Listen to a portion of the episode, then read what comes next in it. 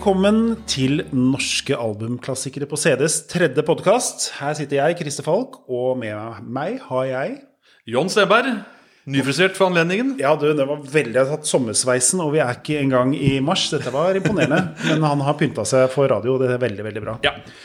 Eh, Vi skal jo da eh, prate litt i dag. Vi har jo bl.a. lagt ut litt agn til dere og sagt eh, er det noe dere lurer på. Dere, jo, dere lurer jo på ting hele tiden når vi svarer, men det er litt sånn gøy, og så kan vi blande det inn i podkastsammenheng. Så vi har fått masse spørsmål. Vi skal eh, gå gjennom i hvert fall eh, en god del av de. ja. Vi valgte å spare svarene til podkasten nå. Ja, vi gjorde faktisk det. Det er flere og gode spørsmål også. Det var det, er, altså. det er mange smartinger i gruppa. Eh, ellers så kan vi jo bare si at eh, det har jo gått eh, Ja, vi kan jo si at eh, vi har jo fått vår lille dupp, kan man si, i, i prosjektet vårt. Vi har jo hatt en eneste lang orgi av kjøpelyst og glede. Jeg lurer på om det har vi blakka disse folka da? Det er klart, det var en uke siden vi la ut Primavera nå. Jeg sjekka nå, den er på 353 000. Og i omsetning, det er vanvittig. Ja. 353 000. Ja, det er sjukt. Og det var det også sånn at vi hadde jo 300, og så tenkte jeg ok, nå er det stoppa på 300 blankt omtrent. Og så Ja. gikk jo Herodes eh, falsk ut på sin egen Primavera-side, og så var det mange som ikke hadde fått med seg, og det overraska meg litt. For jeg tenkte hvis du er Primavera-fan, så, så føler jeg at det har vært en ganske sånn stor nyhet. Men eh, det er gøy. Vi har i hvert fall eh, økt, økt masse. Men det er klart, det har jo litt å si for eh, økonomien på de andre prosjektene. Vi har tenkt tanken at eh, da blir det kanskje så at vi, vi si, straffer oss sjøl litt, at det går litt utover de andre prosjektene. Men uh, forhåpentligvis så uh, står, vi, i oss- står vi an, holdt jeg på å si. Jeg håper det. Og hva gjør vi med det? Skal vi da tenke Skal vi satse mindre på bokser framover, eller skal vi, eh, eller skal vi kjøre parallelt? Ja, nei, Vi kan vel ikke satse mindre på bokser. Det kan vi ikke, syns jeg. Vi får stadig spørsmål om vi har boks med den, og vi har boks med den, og vi må Vi kan ikke det. Nei, og det var egentlig litt ledende spørsmål, for vi hadde jo et møte her for eh, ikke så lenge siden. Mm, det hadde vi. Fortell litt om det. Hadde møte med en artist som eh, vi har hatt i tankene lenge, og vedkommende var veldig klar for, eh, for å lage boks. Så vi, vi kommer til å gå ut med en nyhet om en måneds tid, eller tenker jeg. Gjør vi det? Ja. Vi gjør faktisk det. Ja. Og det blir også en ganske stor og kraftig en. Det gjør det. En stor boks på ja, vi snakker vel kanskje 15 album, er det det? 15 steder. Det Er så mye? Ja, uff, det, eller iallfall med bonus-CD-er. da, hva- hva- hva jo, jo, vi får se. Ja, uff. Det er, det er stort, men det er veldig, veldig bra. Vi gleder oss. Vi har ikke helt landa det ennå. Fordi vi eh, Ja, det er sånn med bokser, så er det sånn skal hvordan, Vi kan fortelle litt hvordan vi tenker med bokser. da. For Ja. Enten så er det jo sånn som vi gjorde med eh, Trond Granlund. Da valgte vi bare én periode på liksom fra starten og liksom til CBS-perioden var slutt. Og så stoppa vi der. Punktum ferdig. Vi kunne ikke ta alle, alle platene. Og naturlig grunn til det var jo fordi at han også hadde et lite sånn stilskifte. Ja. Og, og de albumene var ikke på CD, og, og stilskiftet var veldig sånn klart og tydelig. Så det, det var liksom, Derfor var det veldig greit å liksom fokusere på den perioden. den første perioden Men med vedkommende artist nå, så øh, syns nok øh, ja, vedkommende at kanskje vi skulle ha hele perioden. Da. Alle, alle album og liksom ta alt. Og jeg tenker at da blir det jo mye, da. Det blir dyrt, kanskje. Ja, vi har vel litt sånn vi er ikke helt, Det er derfor kanskje ikke vi kan gå ut med det helt ennå. For vi Ja. er vel ikke helt blitt enige oss engang. Og vi er ikke blitt eh, enige med da artisten heller sånn helt hvordan vi skal løse det. Men enten så tar man liksom fra begynnelse til slutt, og da blir det enormt stort. Eller så finner vi en, en avgrensing ja. et eller annet sted inni. Eller så tar vi og Ja, vi må finne i hvert fall formen på det. Ja. Og det syns jeg er ganske viktig når vi først lager sånne bokser. Det har vært mye sånn Sett mange rare bokser opp igjennom som hopper over ting, og så tar de det de liker og ikke er så glad i, bare overser de. Men vi er jo ganske opptatt av at det skal gjøres historisk Ja. eh, korrekt. Og så skal det være liksom, Skal bonuslåtene legge på originalalbum, eller skal vi ha egne bonus-CD-er? og Det er jo liksom, Ja, det er mange, mange avveininger som må tas. Og her er det snakk om veldig mange løse tråder fra mange forskjellige steder. kan du Og godt si. mange selskaper. Det er veldig, Ja, det er veldig, veldig kronglete. Blir Ja, da mest blir- kronglete boksen vi har gjort. det gjør det. Det er veldig greit med sånn som Teigen-boksen vår, f.eks. Den var veldig oversiktlig og fin. Det var noen få plateselskaper, og alle var positive til det. Og uh, Teigen-leiren var også veldig positiv til det selv. Og da er det egentlig bare to-tre avtaler, og så er vi i boks. Og så er det jo å finne alt det rundt. Her er det ganske mange involvert, så vi må nok ta Det blir nok en litt stressende jobb. Og sånn sett så passer det jo greit med den lille duppen vi er inne i nå, med tanke på at både Vi har jo fått platene på lager, og det som er så gøy, Jon Rikard Du har ikke sett dem ennå. Nei, det har jeg ikke. Det har jeg gledet meg til. spart til Jon Rikard nå, så nå skal han få lov å sitte og nøle litt mens han får se på disse boksene. Jeg skal legge dem i, i rekkefølge, sånn som de ble trykt. Oi, oi, oi. Og så skal han få lov å få noen øh, sekunder for seg selv, kanskje.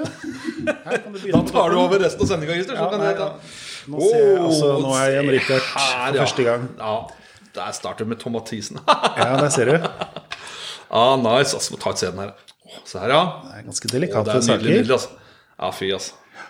Åh, og The Kids, ikke minst. Det er en som jeg gleder meg ordentlig ordentlig til. Altså, det altså, jeg, jeg må si det, jeg håper at dere der hjemme føler det som, som jeg føler nå. Liksom. Det er liksom, etter så lenge endelig sitte med her i hånda. Jeg, dette har jeg venta på. Altså. Jeg var liksom ti år når Norske jenter var liksom Når den plata var tilgjengelig. Og nå, eh, Den første 1990, da Da var det jeg begynte å egne et lite håp om dette kanskje skulle komme på CD snart. For da kom jo liksom eh, den første perioden med, med Sonet, og da kom liksom de første Prudence og eh, Popol på Play. Så jeg at det er liksom, De solgte jo ingenting i forhold til Kids var svære. Det, liksom, dette her må komme tidligere, tenkte jeg da. Men hva tror du det kom av at plateselskapene var sånn som dette her? For én ting er øh, De har jo vært veldig sånn todelt. Enten så har de gått all in på noen artister, Ja. Eller så har de bare totalt neglisjert. Er det eh, rett og slett Jeg tror det kanskje er noen teorier bak. Jeg tror de som jobber på plateselskapene, jo, har jo vært alltid mye eldre enn meg. Nå er det Ja. veldig yngre enn meg. For første gang så har de jo snudd. Men et eller annet med at på da 90-tallet, 80-tallet, når CD-ene begynte å komme, så var det folk der som var 45-50, som hadde den samme, det samme forholdet til musikk som det du har til Kids, Tom Mathisen, drama, ja. Ole Idole nå. Og kanskje de behandla det litt på en litt sånn flottere måte, for dette her var liksom den ordentlige musikken, og, og datiden, altså den mellomperioden, og egentlig litt, litt samtid, men ti år for seint, den var kanskje ikke så spennende for dem. Tror du Nei. det kan ha vært personlige ting? Det kan være, men altså jeg, tror, jeg velger å tro at det, det må være mye latskap. tror jeg, altså. Det er kanskje internasjonale eiere som bare sier at vi, nei, vi skal ha så og så mye overskudd. Og vi skal ha så og så mye liksom, Og vi har de artistene her som vi skal lansere nå. De kommer nå i løpet av de nærmeste tre månedene, og da må de ha fokus på dem. Og så har vi liksom de norske. Da, da må vi, ja, vi kjører en samleplate. Da man velger man litt raske løsninger. Og så kom TV-annonseringa, da. Og samleplatene var jo selvfølgelig som skapt for TV-annonsering. Det er ingen tvil Ja, om. jeg hørte akkurat Jeg var faktisk i Halden og øh, fikk autografene til øh, Ja, autografer se av der har vi Ja, signert. Ole Idole, ja. Det var jo bare ja. noen av dere som får den, dessverre. Ja. Men eh, det er blitt fint, da. Han ja, eh, satt og skrev seg vindskjerm mens han fortalte historier. Han jobba i Universal i den perioden hvor eh, plateanmeldelser eh, begynte. Aha. Og han eh, Eller ikke plateanmeldelser, hvor eh, TV TV-annonseringer starta. Og så var det jo da EMI som var først ute, som hadde gjort en avtale med jeg tror det var TV3, som da hadde booka en avtale med TV3 om at uh, det var da rød og blå albumet til Beatles kom ut. Oh ja, okay. Og da var det altså sånn at uh, når de skulle på TV, så sa de vi betaler ikke noe penger, men dere får 10 eller 20 kroner eller sånn, sånn royalty-avtale. På hver solgte plate så skulle da TV-kanalen få det, og TV, TV3 elska jo selvfølgelig dette her og syntes det var en kjempegod idé. Skulle prøve. Det var en liten dupp i reklamemarkedet også. Og så eh, var jo planen klar. Alt dette her skulle jo selges i millioner eh, og bøtter og spann. Og så nekta da eh, Beatles management og de sa at dette her var under deres verdighet. Vi vil ikke ha noen TV-kampanje på en sånn type deal. Og da hadde de kjøpt en avtale, eller de hadde i hvert fall låst seg fast til en avtale. Og da måtte de kaste seg rundt. Og veit du hvem som var den første norske TV-annonserte plata? Nei, det aner jeg ikke. Trine Rein. Oi, var det det? Finders, Finders Keepers. Keepers. Og det som da skjedde, var jo at Og den er produsert av Ole Dole. Ja, det var han faktisk. Og det er derfor Ole visste så mye om dette her. Så han syntes dette var en kjærkomment eh, tilskudd til dette her. Og, og det eksploderte jo. Ja. Det, det tok én dag, og jeg husker jeg drev i platebutikk da. Jeg solgte så mye Trine Rein-plater, og, og hun hadde jeg gått på skole med på Nesodden. Så du kjente henne, ja? Jeg kjente henne kjempegodt. Du verden. Så jeg syns det var merkelig at hun som satt i svart eh, skinnjakke og heavy hår og var liksom en sånn liten uh, rocker at hun plutselig skulle bli sånn eh, litt glossy superstjerne. Da, for hun var jo mye mer rosa enn en sånn hun var på skolen. Okay. Men det var ganske gøy, for det, det tok så fælt av. Og, og det var jo ikke mange dagene etter det hvor alle selskapene skjønte shit, TV-annonser, TV-annonser. Så egentlig er Trine Rein også da roten til en del vondt. Ja. På én måte, fordi at det ikke kom så mye annet enn samleplater på TV. Men samtidig roten til veldig mye godt. Ellers hadde ikke vi sittet her i dag. Akkurat. Det må jeg si Så vi skal takke Trine Rein. kan ta en, en historie om Trine Rein. Ja. For Steinar Fjell var manageren hennes, da. Og han skrev boka, eller en bok om selv- selvbiografi og hans liv i musikkbransjen. Og han fortalte det at eh, de hadde jo Just Miss a Train, som var den store gjennombruddslåta til Trine Rein på den skiva. Og den ble jo en knallsuksess i Norge. Det bare eksploderte som sier med TV-annonsering. Ja, men låta var jo fantastisk. Den var fantastisk bra. Og den hadde internasjonale låtskrivere. Men så viste det seg da at den låta var ikke helt korrekt klarert med låtskrivere. Og, eller, du skjønner Så de, de fikk henvendelse fra forlaget i USA. Dere må stoppe, låten, stoppe skiva. Det, stopp, det har ikke tillatelse. Det får ikke lov til å gjøre det her. For de, ville, de, de så potensialet av låta. da Så de ville antakeligvis da gi den låta til en annen artist for, å, for å på en måte cashe mer internasjonalt. Da, du skjønner Men det er klart, da hadde ballen begynt å rulle, så var EMI i Norge hadde, hadde ikke planer om å stoppe noe som helst. Nei, den var Så den, det det visste jeg og- faktisk ikke. Nei, så den, de fikk beskjed om om å stoppe For det var visstnok ikke helt klarert. De har tatt låta uten Ja, ja det var jo noen, noen finurligheter som ikke var avklart, eller et og sånt, da, etter det jeg skjønte. Men uh, så prøvde jo også hun Kelly Clarkson vet du, og la- hun lagde også en ny versjon av den låta på debutalbumet hennes. Oh, ja. Men den er ikke så bra heller, så den, og den ble ikke noe så stor suksess. Så det var litt synd at uh, Trine Rein ikke fikk tatt den ordentlig utenlands. Men det var vel sånn med Trine Rein hadde tårn også. Ja, og når. Natalie Bruglia ga ut den noen år etterpå, eller noen måneder, eller hva det var. for Ja, det var et halvt år, et år etterpå. eller sånt, ja. Da ville de veldig dysse ned Trine Rein-suksessen med Stemmer. den låta. Så. Sånn Nei. Trine Rein, hun er She's everywhere. Ja. ok, nok om det. Ja. Men hva syns du om eh, platene? Å, nydelig, nydelig. Ja, det, det blir veldig bra. Altså. Eh, Det ser veldig pent ut. Og originalcover er jo nydelig. Baksiden er med og fantastisk bra. Det er, eh, det er som det skal være, altså. Ja, Jeg, ja, eneste, jeg er en liten fan av uh, sånn jewel case. Jeg jeg er sånn gammel, konservativ CD-mann. Men uh, det er klart det er litt vanskelig med, med postordre og sånn. Og, og de sprekker gjerne i posten og sånt nå. Så uh, det er jo pappceder, ja, men sånn er det nå om dagen. Og jeg tenker at det er greit. Det ser Ja. veldig bra ut i hvert fall. Det skjedde noe, det der med var vel på 90-tallet, hvor alle hadde jewel case, og plutselig så kom, var det vel Kirkekulturverkstedet. Ja. De var sånn øh, Ville la, lage det De lagde kun det der digipacket digipack igjen. Ja. ja. Jeg syns ikke noe særlig om det. Altså, for det, altså, da, altså, da flagrer cover mer i hylla. Så jeg, jeg, jeg bruker fargekopimaskin og liksom Ja, ja, lager du- ordentlig ja, Ja, det er nerdete, altså. Så det er liksom sånn ordentlig sånn hjemmehobbykveld med å lage ordentlig CD-cover. Ja, det jeg tar, tar vare på coveren selvfølgelig og sånn, men eh, Bare så det er sagt, jeg, jeg har jo da fått noen CD-er som jeg ikke hadde av uh, Jon Richard, som har da uh, brent, og det ser ut som original CD. Og i tillegg så har han da lagd coveret basert på eh, Digi-pakken. det er helt fantastisk. Jeg har aldri, aldri hørt om noen som har gjort det i hele mitt liv.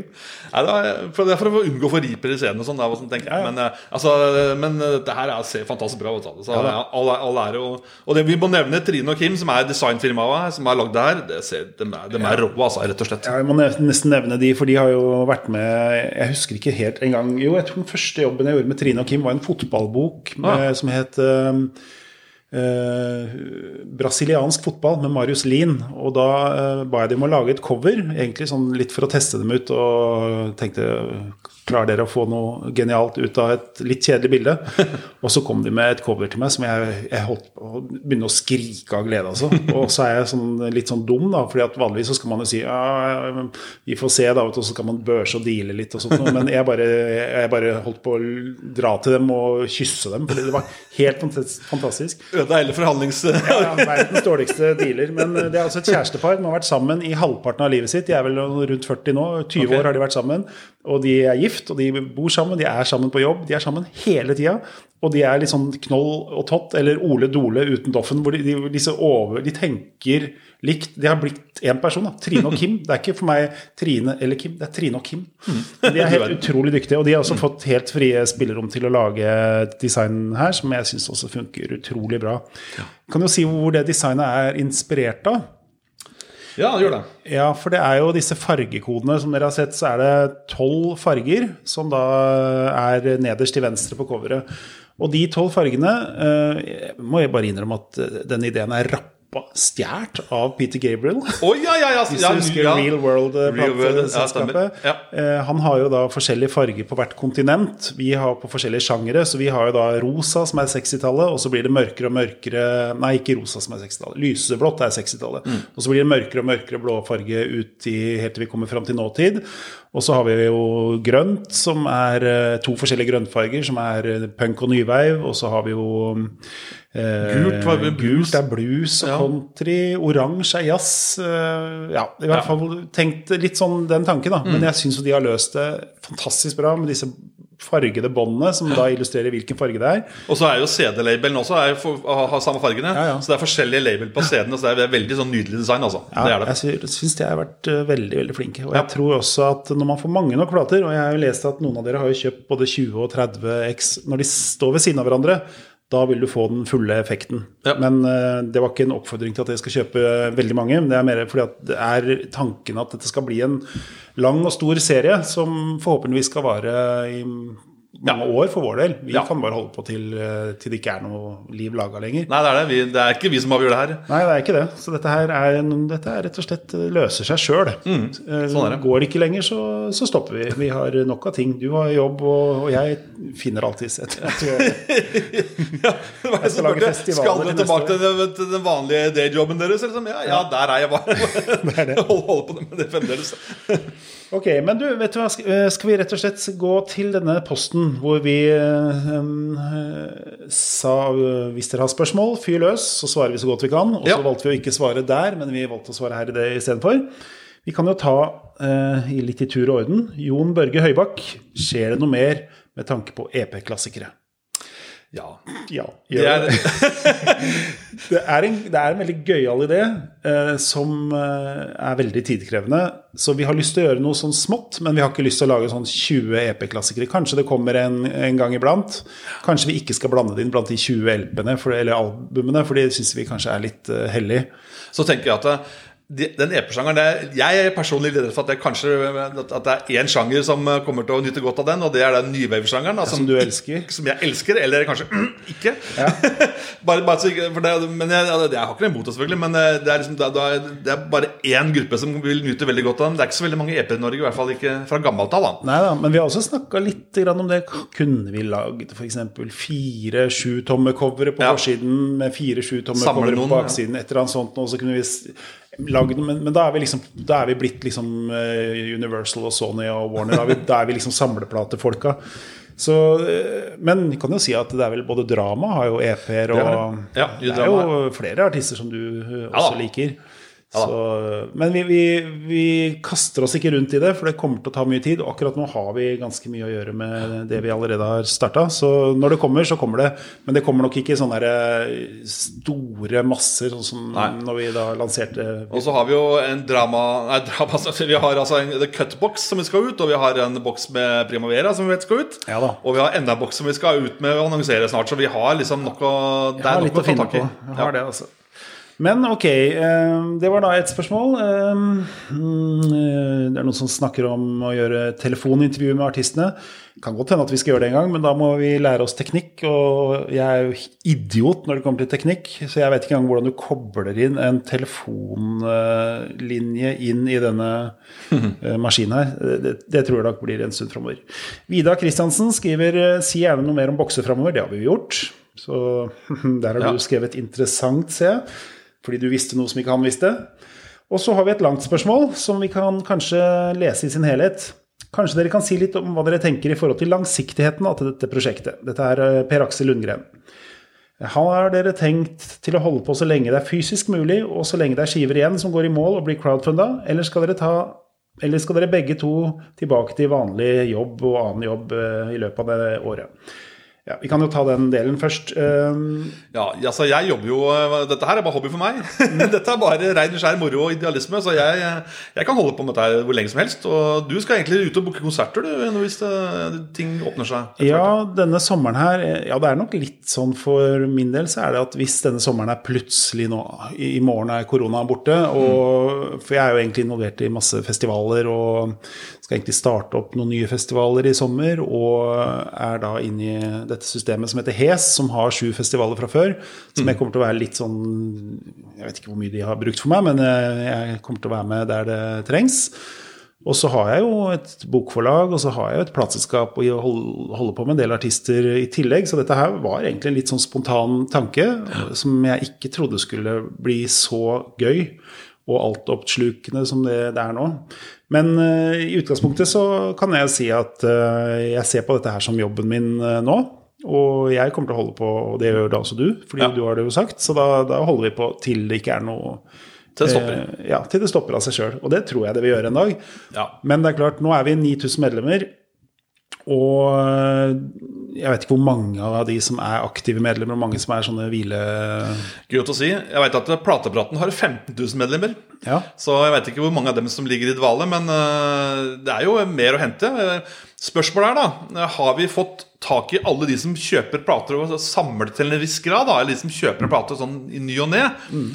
Har vi fått tak i dem, da har vi nå taket. Hvis vi ikke har fått tak i dem, da er det mer å hente, tenker jeg. Men jeg ser nå, er, vi gjør litt sånn eh, status per tusende eh, medlem, mm. og det, det, stopper ikke. Nei. Vi kom, gikk like fort fra 8 til 9000 som 9 til 10, eller 7 til 8 som 8 til 9000, og nå er vi oppe på 9000 litt over ett eller noe sånt allerede. så så øh, jeg tror jo at uh, vi må nok utafor bobla vår. Vi lever jo i en liten boble her inne. Det er jo, det er, øh, det er jo liksom det er litt som å være i reality-TV. Men samtidig så tenker vi at vi må jo få dette her ut. Og så har vi jo hatt dette dilemmaet. Skal vi gjøre dette her til en ren postordrebutikk for oss? Sånn at det er ingen andre steder å få tak i. Eller skulle vi da blande inn uh, andre som har lyst til å selge? For det er jo veldig mange butikker som spør, og, og, og da har vi vært litt sånn harde. Vi har sagt uh, hvis dere skal være med på dette, så skal dere også være med på spleiselaget i forkant. Fordi uh, hvis de bare skal skumme fløta og kjøpe ting som er, vi har på lager, på en måte, så er det ikke så interessant for oss å selge dette her videre. Men både Skvis og platekompaniet har jo, og Cruising, som faktisk ligger i samme gård som det her vi sitter nå, Cruise, mm. uh, Cruising Records med Rune Halland, de har vært med på liksom å putte inn litt penger eh, på en del av platene som de har mest tro på, og gitt oss også en liten sum som vi kan plassere litt uh, her og der. Uh, som da de får bytta inn i plater igjen til seinere. Så, så um, nå fins jo plata eh, mange steder, mm. men vi er jo også livredd for at eh, det er å skyte seg sjøl i foten. Fordi ja. vi har jo dette med porto. Det er jo noe drittopplegg vi har når det kommer til porto. Vi har ikke mulighet til å og ja. liksom bøndle ting. Ikke vet vi om alt blir noe av, og ting kommer inn med tre-fire ukers mellomrom og månedsvis i mellomrom eh, på det verste. Ja, og ikke vet om alt går inn heller. Så, Nei. Det mm. så det er et eller annet med at vi må nok bare fortsette sånn vi har gjort, og håper at folk tenker at ok, det blir litt porto, men eh, det er litt sånn til en god sak og jeg tenker på at Du er med på noe. Du er, du er ja. med å gi ut favorittskiver, på en måte, tenker jeg. Ja. Liksom, dette er en greie som vi gjør sammen. Liksom, på en måte. Ja. Og det er jo litt sånn at Når den først ender opp i webshopen vår, da er det jo en plate som mange kan ha glede av. Men hvis han ikke ender opp i webshopen, så får ikke du heller tak i den der hjemme. Så, så, vi er nok litt avhengig av hverandre, men uh, vi er nok kanskje litt mer avhengig av dere enn dere er av oss. sånn, er det, sånn er det. Men uh, vi ber jo veldig da på at uh, vi håper at dere er med på, på leken. Fordi det kan bli mye plater, men det er klart hvis man nå sitter og begynner å tenke at nå venter vi, så kjøper vi det på platekompaniet, og så kan vi bestille to andre ting i tillegg, en DVD og et spill, og så får vi det egentlig på samme pris. Det er klart, det er økonomisk sett, ingen tvil om at det lønner seg. Men uh, det er ikke sikkert det blir en plate som du får hjem. Nei, Du kan på en måte være med og skyte deg sjøl litt i veien sånn ja. framtidsmessig. Ja. Og så er det jo klart dette med Vi har jo denne med psykologien i dette her. Jeg skjønner ingenting, jeg. Hvorfor det tar så lang tid. Og når det når målet, da kjøper folk. Eller når det er sånn nå har vi 1000 kroner igjen. Ja, men da kjøper 20 stykker plata. Ja. Det er sånn men, Det er veldig rart. Vel, jeg skjønner ikke. Mm. Hva, hva, tror du, hva, tror du, er grunnen til at de tenker sånn? Nei, altså det, Jeg tror at det, økonomisk sett så blir folk kanskje tvinget til å ta noen valg, da. Og, og, og da, hvis de har lyst på la oss si sju-åtte skiver, men skal kanskje bare kjøpe to eller tre, da, for at det er det, som, eh, det, er det de har råd til, Mm. så må du da se litt på hvor, hvor, i, si, hvor i systemet plata befinner seg. da, Om det er i startfasen av eh, fundinga, eller om det er i midt, eller, eller slutten. da. Det er liksom det er liksom de første 10 000, og så har du den midtre fra mellom 10 og 20. Ja, da, så har du oppløpssida mellom, eh, fra 20 og, og i mål. Det er, det er tre ganske forskjellige sykluser, altså. Så jeg tenker at det, er alltid viktig å få en god start, tenker jeg. liksom eh, for Det, det ser jeg på sånn som Lars Kilevold, som jeg har venta lenge på. og den, den fikk en veldig god start. Han kommer på 20% i løpet av første dagen, tror jeg. Fikk en veldig god start, men så stoppa det veldig. Så det er, men, men da har den, har den i hvert fall på en måte etablert seg litt, og den har på en måte markert seg litt. da Vi har andre ting som har bare stoppa på liksom 7-8% og så har den du skjønner Så det er litt det er mye psykologi her, altså. Det, og det gjelder å holde ting varmt. Og sånn er det. Det er, det er snodig greie, det her. Vi kan jo begynne å bare gå gjennom litt her nå, for nå er det en som sliter, er jo, og kommer sikkert til å slite, det er Hilde Heltberg. Mm. Vi har jo den ulempen at når folk er døde, Da er det ingen... er, det vanskelig. Det er Ja. sjelden det er gode Facebook-grupper som hyller uh, folk som ikke er her lenger. Ja. Og det er uh, Vi er jo ganske avhengig av at Sånn som i går, så uh, sendte jeg en melding til alle i Tramteatret, som fortsatt er blant oss, Mm. og sa gøy hvis dere trykker på knappen. Her er linken, og del gjerne. Og i løpet av tre timer så gikk de liksom opp fra jeg tror det var 19 500 til nå er vi oppe i Nå er de jo øverst på lista. Vi er oppe i snart 23 000. Ja. Og da veit vi jo, vi ser jo det, når, når, når den bikker 20 000, da begynner ting å Da er det mange som kaster seg på, for da ser de at nå er det liksom Å ja, den plata, den går i trykken, den. Da, da, da, er det mange som kommer ned fra gjerdet av den grunn, da. En annen ting er dette at eh, folk venter eh, kanskje fordi at de skal inn med da 200 kroner. Eh, og det er litt sånn kjedelig å bruke det på en plate som når du vet at det er 15 eller 20 dager til den er i mål. Ja. Men når det nærmer seg mål, da har de lyst til å gå inn med 200 kroner. Men da tenker jeg dere får ikke plata før om to måneder eller noe sånt noe. Eller i hvert fall halvannen måned. Allikevel så tenker jeg, hva er egentlig forskjellen? Det er, det er mye sånne ting jeg ikke skjønner. Ja.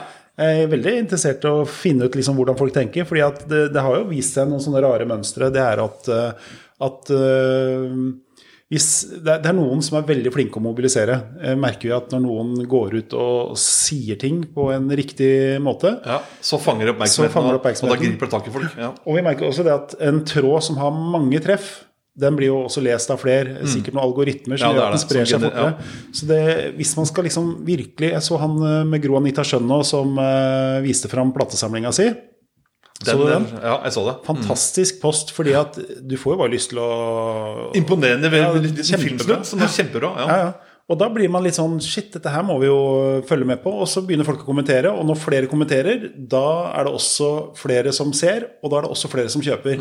Det er en selvforsterkende effekt. Det er det. Det, det, er, det er veldig fint sagt at liksom, Hvis du da klarer å få en sånn buss rundt en skive, så, så er det med på ja, å, å fange interesse og, og fange folk. Vi så jo på Alex forrige, forrige helg, som bare plutselig Ja, ja. tok av. Og da var det, var det jeg og det var et par til som begynte å mase samtidig. Og da, ja, og da, da, da begynte det med flere klikk, og da ja, Ja, det spredde si, altså. seg fort, og den gikk Ja. faktisk fra 48 til 100% på to dager, eller et eller annet sånt. Ja. Det er også helt Det var, eh, det var vanvittig. Også. Men den så jeg ikke komme. Men der igjen så har det med litt sånn psykologi Jeg tror liksom hvis dere virkelig vil at noe skal i mål Vi kan jo selvfølgelig mase, og vi har nok også en litt sterkere stemme i dette her. fordi siden vi er administratorer, så blir så. automatisk våre poster lest av flere folk. Mm. Det er jo også algoritmeting.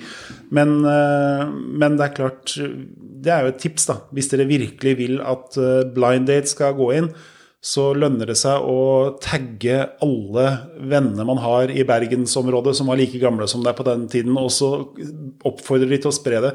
Jeg merker også sånne pressesaker hjelper jo veldig, veldig. Eh, Nå blir det en pressesak om ikke så lenge i en av Norges største aviser.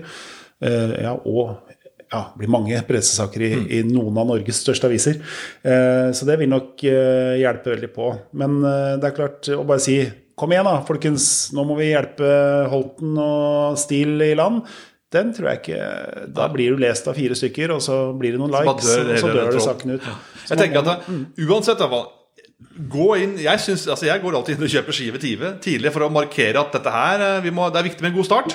Så, så den ikke blir liggende død i vannet. på en måte da. Så er det en skive dere brenner for, kjøp den så fort som mulig. For, å- for å markere og for å holde jernet varmt, rett og slett. Og liksom eh, Ja, folk ser på Folk følger med på stigen. Vi, vi ser det at folk følger med. Og, Ja, og ser, det, er- det er som en børsnotering.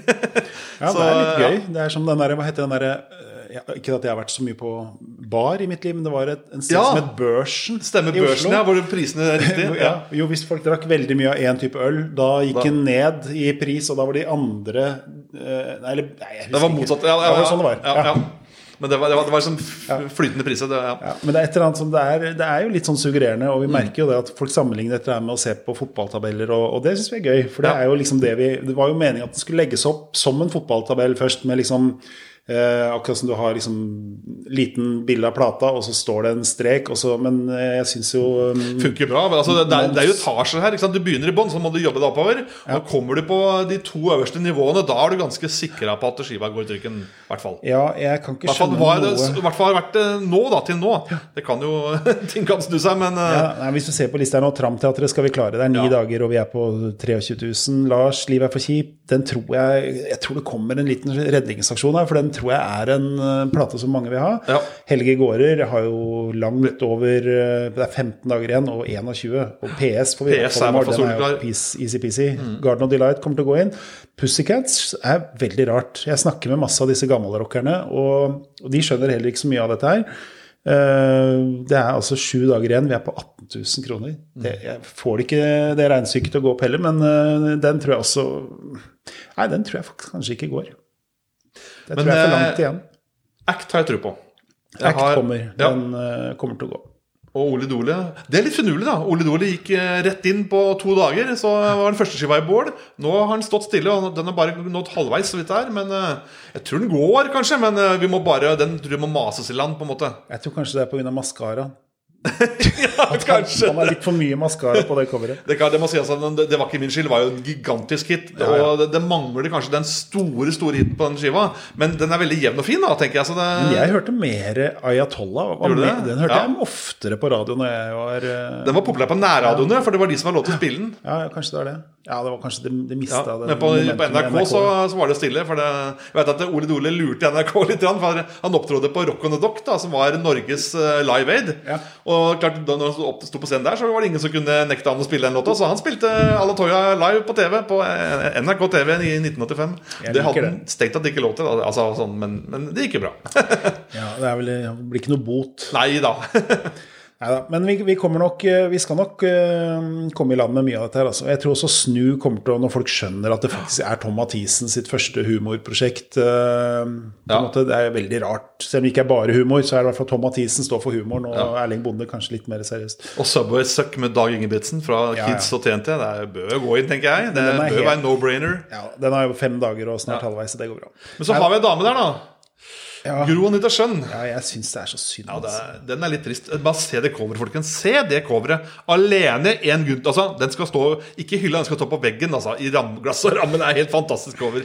Ja, Gro Anita Skjønn er jo en sånn artist som jeg tror mange forbinder med noe som ikke er så stilig. Og det er jo Ja, Treffserien Treffserien er Ja. veldig sånn eh, Utrolig mange som kjøpte det, men kanskje Litt uglesett og- Ja, litt sånn i ettertid. Sånn. Og jeg synes, jeg har faktisk vokst opp med Treffserien. Jeg er vokst opp og sitter og hører på Stein Ingebrigtsen og Inger-Lise Rypdal i bilen og synge høyt.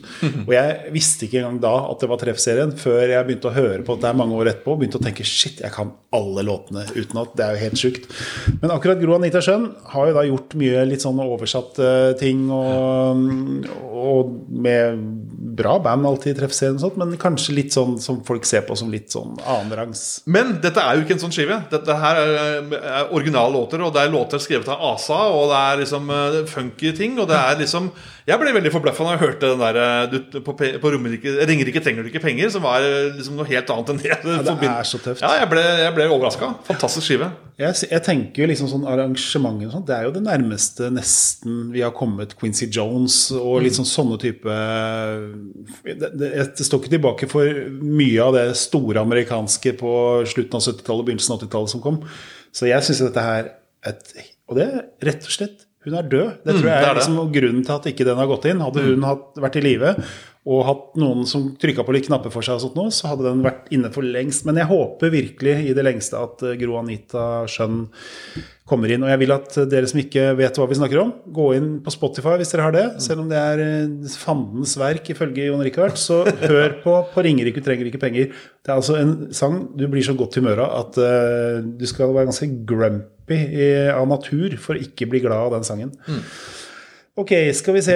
Um, per Aksel fortsetter her med Ja, Hvor lenge vi kunne holde på, var det også et spørsmål her. Ja. ja. Det må vi si. noe Altså, det var Torgeir Meggen, da var det tidligere redaktør i Beat, var det det? Som mente at eh, vi, altså, det er ikke nok klassikere til å holde på til november engang, mente han. Så ja. Eh, det er klart at eh, hvis vi skal se på altså, jeg tenker at det er jo altså, det er et hav av plater tenk deg, fra tidenes morgen på 60-tallet og fram til ja, i hvert fall sånn slutten av 80-tallet. Så det er vi kan holde på lenge.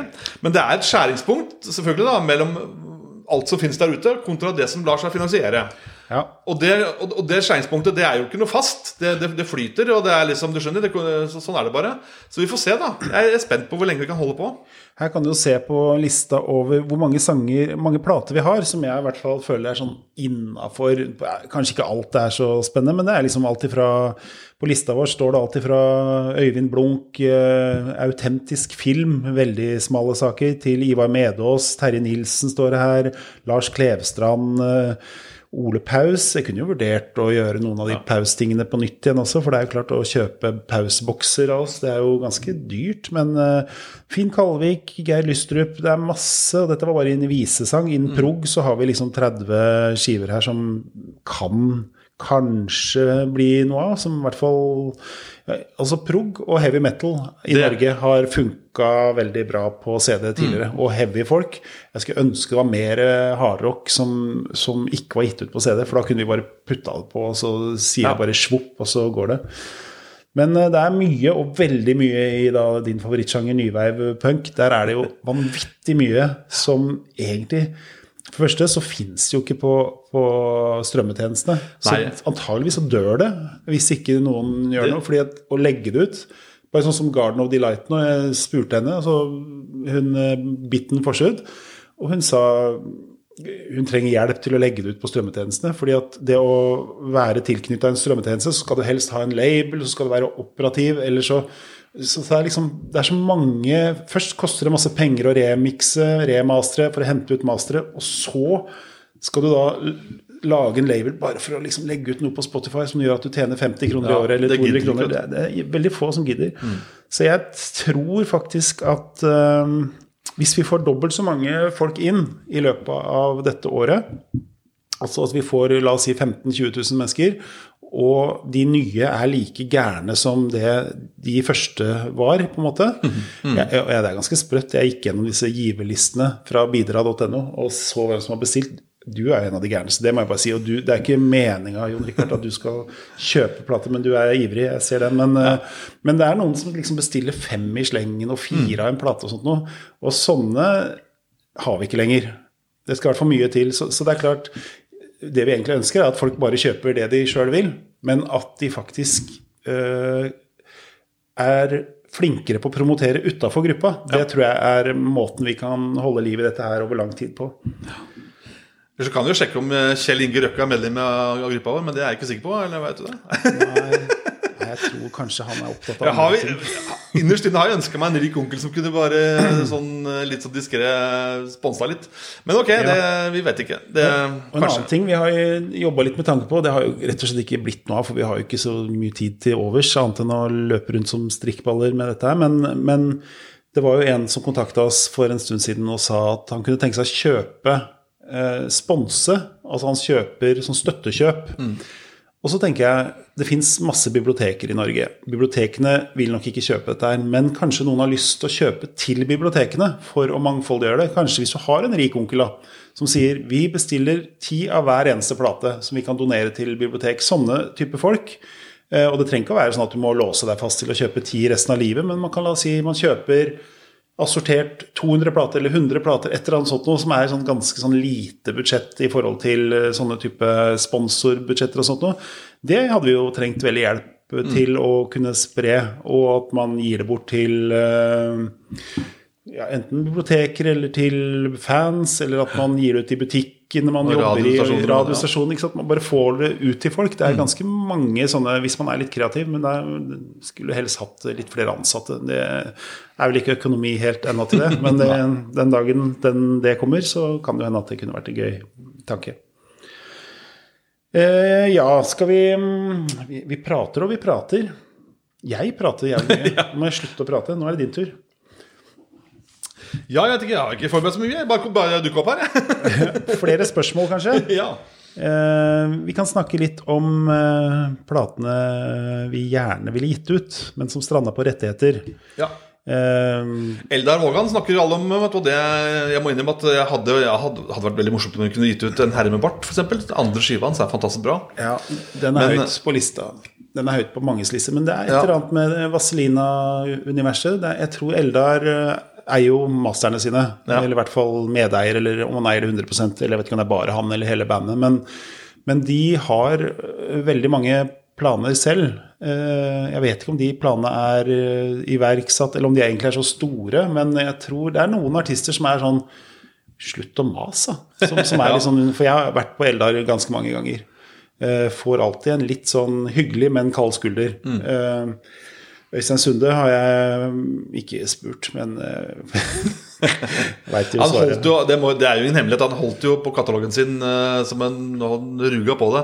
De kom i 2012 eh, på CD etter hvert, så Ja det, det kom ut. Så det, men ok, det var noen sånne. Vi har jo et lite ønske om å, om å- gi til to første Sivertsen-platene, da. Det kan vi si. Ja. På Experience. Og det er jo noe vi jobber med. Der er det Ja. jo sånn at øhm, eh, Hva het han? Øybakken, Øybakken, som starta Experience Records. Han døde altfor tidlig. Og så er det jo da kona hans og barna hans som nå sitter og forvalter rettighetene. Mm. Jeg har vært i kontakt med de flere ganger. Går litt sakte. De, de har jo, sitter jo i tenkeboksen og har jo tenkt nå siden eh, begynnelsen av 70-tallet. Ja. Og det har fortsatt ikke kommet verken på vinyl eller CD eller eh, på noe format i det hele tatt. Og det er jo helt umulig å få tak i. Nå har vi jo fått ja fra Halvdan. Så Halvdan Sivertsen syns det er gøy at det kommer ut, selv om han sier at han kanskje ikke kommer til å høre så mye på det sjøl, for han gruer seg litt. Eh, Men de er jo der ute, så det er litt sånn det er som Bendik Hofseth sa til meg, at eh, du kan ikke eh, du, kan, du, må jo, du må jo vedkjenne deg farskapet til det du har gjort. Ja. Og vi har lyst til å starte med de to første skivene. Vi kan jo i teorien gå rett på skive nummer tre, da, som er nordafør Norafør og få kjærlighetsvis og sånn. Ja. Det hadde vært litt morsomt å starte med de to første eh, Ja. Experience-platene. Jeg synes det. Jeg tenker det er viktig at vi begynner Ja. i riktig rekkefølge med akkurat Så det. vi, vi har ikke glemt dem. Vi, vi, vi har i bakhuet. Ja. Nei, så Det er jo noen vi jobber med. Ellers er det selvfølgelig Til Vigdis med Jan Ja, den er jo Den, sagnomsust. kommer vel aldri til å bli gitt ut på nytt igjen, tror jeg. Det er nok noe mer personlig som ligger bak. Mm. eh, Eller kanskje at rett og slett man ikke er så fornøyd.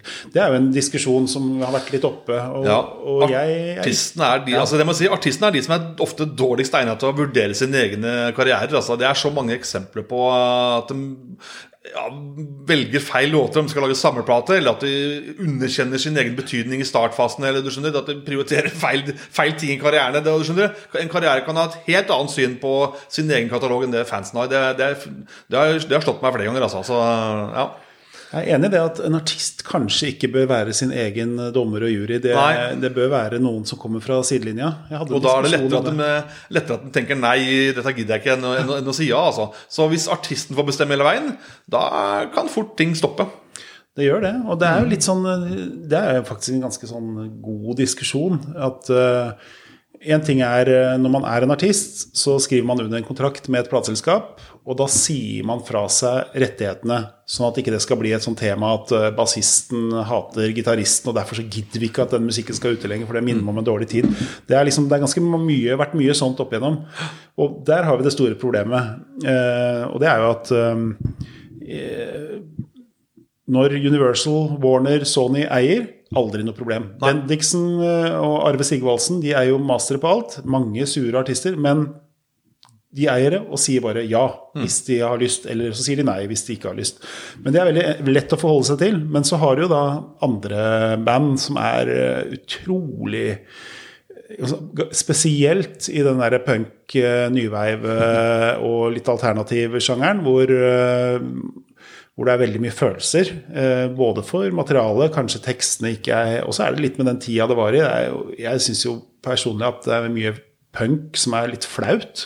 Jeg tenker at Det er en grunn til at artistene varte bare kvarter. ja, ja, det er det også. Men det er det som eh, forsterker mytene rundt dem. ikke sant? Og som holder liksom som, som på en måte, du vet, at de hvis du var så heldig og fikk sett kjøtt live eh, der og da, så var du veldig heldig. Du fikk jo sjansen senere. Ja, ja. Mens uh, artisten, Og, det, det, er bra for, uh, for liksom sangene rundt dem og mytegreiene rundt punk og web. Ja. Det, det, kan kanskje ikke de der De som holder på i, i all ritsa, dem kan ikke nyte godt av det. Men sånn er det. Og det er jo litt sånn, Vi har jo prøvd å få til en kjøttboks også, ja. og vi har jo fått ja fra alle. Eller først så sa Michael Krohn hvis du får med deg resten av gjengen, så skal ikke jeg være han som er vanskelig på det. Og da tenkte jeg nå må jeg være smart. Så da tok jeg rett og slett uh, selgeren og smisk og brukte alle triksa. og tok en prat med hver og en av de gjenlevende. Først begynte jeg med sønnen til Helge Gårder, som uh, sa 'vær så god for meg', det er helt greit. Tok resten av bandet. Og så til slutt så fikk jeg også ja fra Erik Aasheim, som sitter ute i Sigrud og egentlig hadde ikke noe ønske eller plan om det. Men til slutt så ok, hvis alle er med, så skal han være den vanskelige. Og så går jeg tilbake til Michael Krohn og sier nå er alle med? Er, er, skal vi bare gjøre dette her? Vi hadde da funnet et opptak fra 79, 80 og 183. Hele konserter. Masse bonusspor, masse uutgitte ting. Massevis! Og da sier Michael ja, det kan vi gjøre på én betingelse. At dere fjerner Nei, nei, nei. For det er den ene låta som han er tydeligvis veldig flau over. Og det tror jeg er et eller annet sånn det, det ragen som du har når du er da liksom tenåring, mm. eller den det, kan virke ja. litt sånn, kanskje litt flau. Og, og det er et veldig sånn klassisk eksempel på at mye av de punketinga hvor du er sånn 'Jeg hater alt og alle', og så blir du ja. voksen, så får du unger, og så tjener du penger, og så hater du egentlig ikke så mange lenger. Og så er det litt sånn, kanskje litt pinlig, eh, noe av det. Og, og, det er jo det som er problemet, at jeg gadd ikke å gi ut en boks uten nei, nei, nei med kjøtt. Selv om jeg faktisk var veldig nære på. Fordi at jeg syns at det er historieforfalskning, og jeg syns ja. ikke det er noe stilig. Du kan ikke fjerne låter og sånn? Nei, jeg, helt, jeg, gjorde det også på den Langsomt mot nord-boksen jeg ga ut. Det er det flaueste jeg har gjort noen gang. Jeg gikk med på at uh, Ola Snortheim uh, skulle fjerne da, en av låtene fra uh, Vesterveg-plata, tror jeg. Ja. Og jeg kjente at jeg hadde vondt i magen kjempelenge etterpå, og jeg husker også når det begynte å poppe opp sånne meldinger på Facebook at hva faen er det som har skjedd her? Den ene låta er borte, og jeg, jeg syns det var så flaut. Mm. Jeg synes det, det, det, er, ikke som ofte at jeg virkelig sånn gremmes, men jeg sa hvis du skal ta vekk den, da skal du skrive at det er ditt valg inni plata. Jeg hadde aldri gjort det igjen. Hvis han hadde sagt det, så hadde jeg sagt da, da gir jeg det ikke ut. Det er så enkelt som det. Det blir stående mellom barkelomien mellom artisten og fansen, selvfølgelig. Så. Ja, ja, for fansen har jo ikke det samme forholdet Nei. til artist. Og der har vi det igjen, dette med artister. at de skal ikke mene så mye om sin egen musikk. De skal ha spilt inn, og så skal de slippe det. Ja. Og så skal de gå videre her i livet. Og det, mine damer og herrer, er litt skummelt i streamingtida som vi er i nå. Ja. For nå er det slik at nå, nå betaler artisten sjøl innspillinga, stort sett. Og de lisensierer bare ut til Universal og Sony og de selskapene. Og da er det alltid artisten som sitter med, med rettighetene og styringa. Mm. Og hvis da finner ut at nei, nå likte ikke den koringa, eller da tar jeg bort den låta, eller da du skjønner, Ting kan endre seg underveis, da. Så det er, eh, det er, veldig viktig nå faktisk å, å kjøpe skiva. For eh, på streaming så kan den plutselig bare bli borte over natta. Eller at det, det kan foretas endringer, eller ja, ting kan bli sånn helt ut av det blå. Jeg tenkte jeg har gitt ut nå 150 plater eller sånt mm. nå på C pluss A Records. Og hvis jeg nå, det kan jeg gjøre fra mobilen min nå, kan jeg fjerne alt fra alle strømmetjenestene på et, et lite trykk, mm. så er det borte.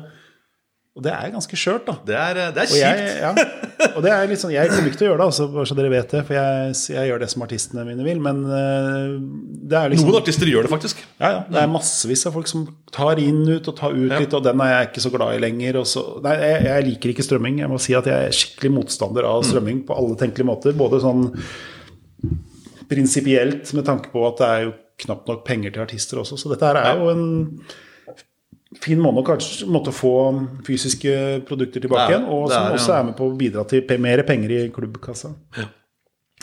Men jo, eh, skal vi se flere spørsmål.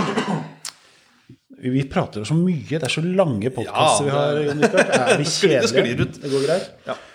Er det siste nytt i den gamle debatten om CD-ens holdbarhet? Vet at det er to forskjellige produksjonsmetoder.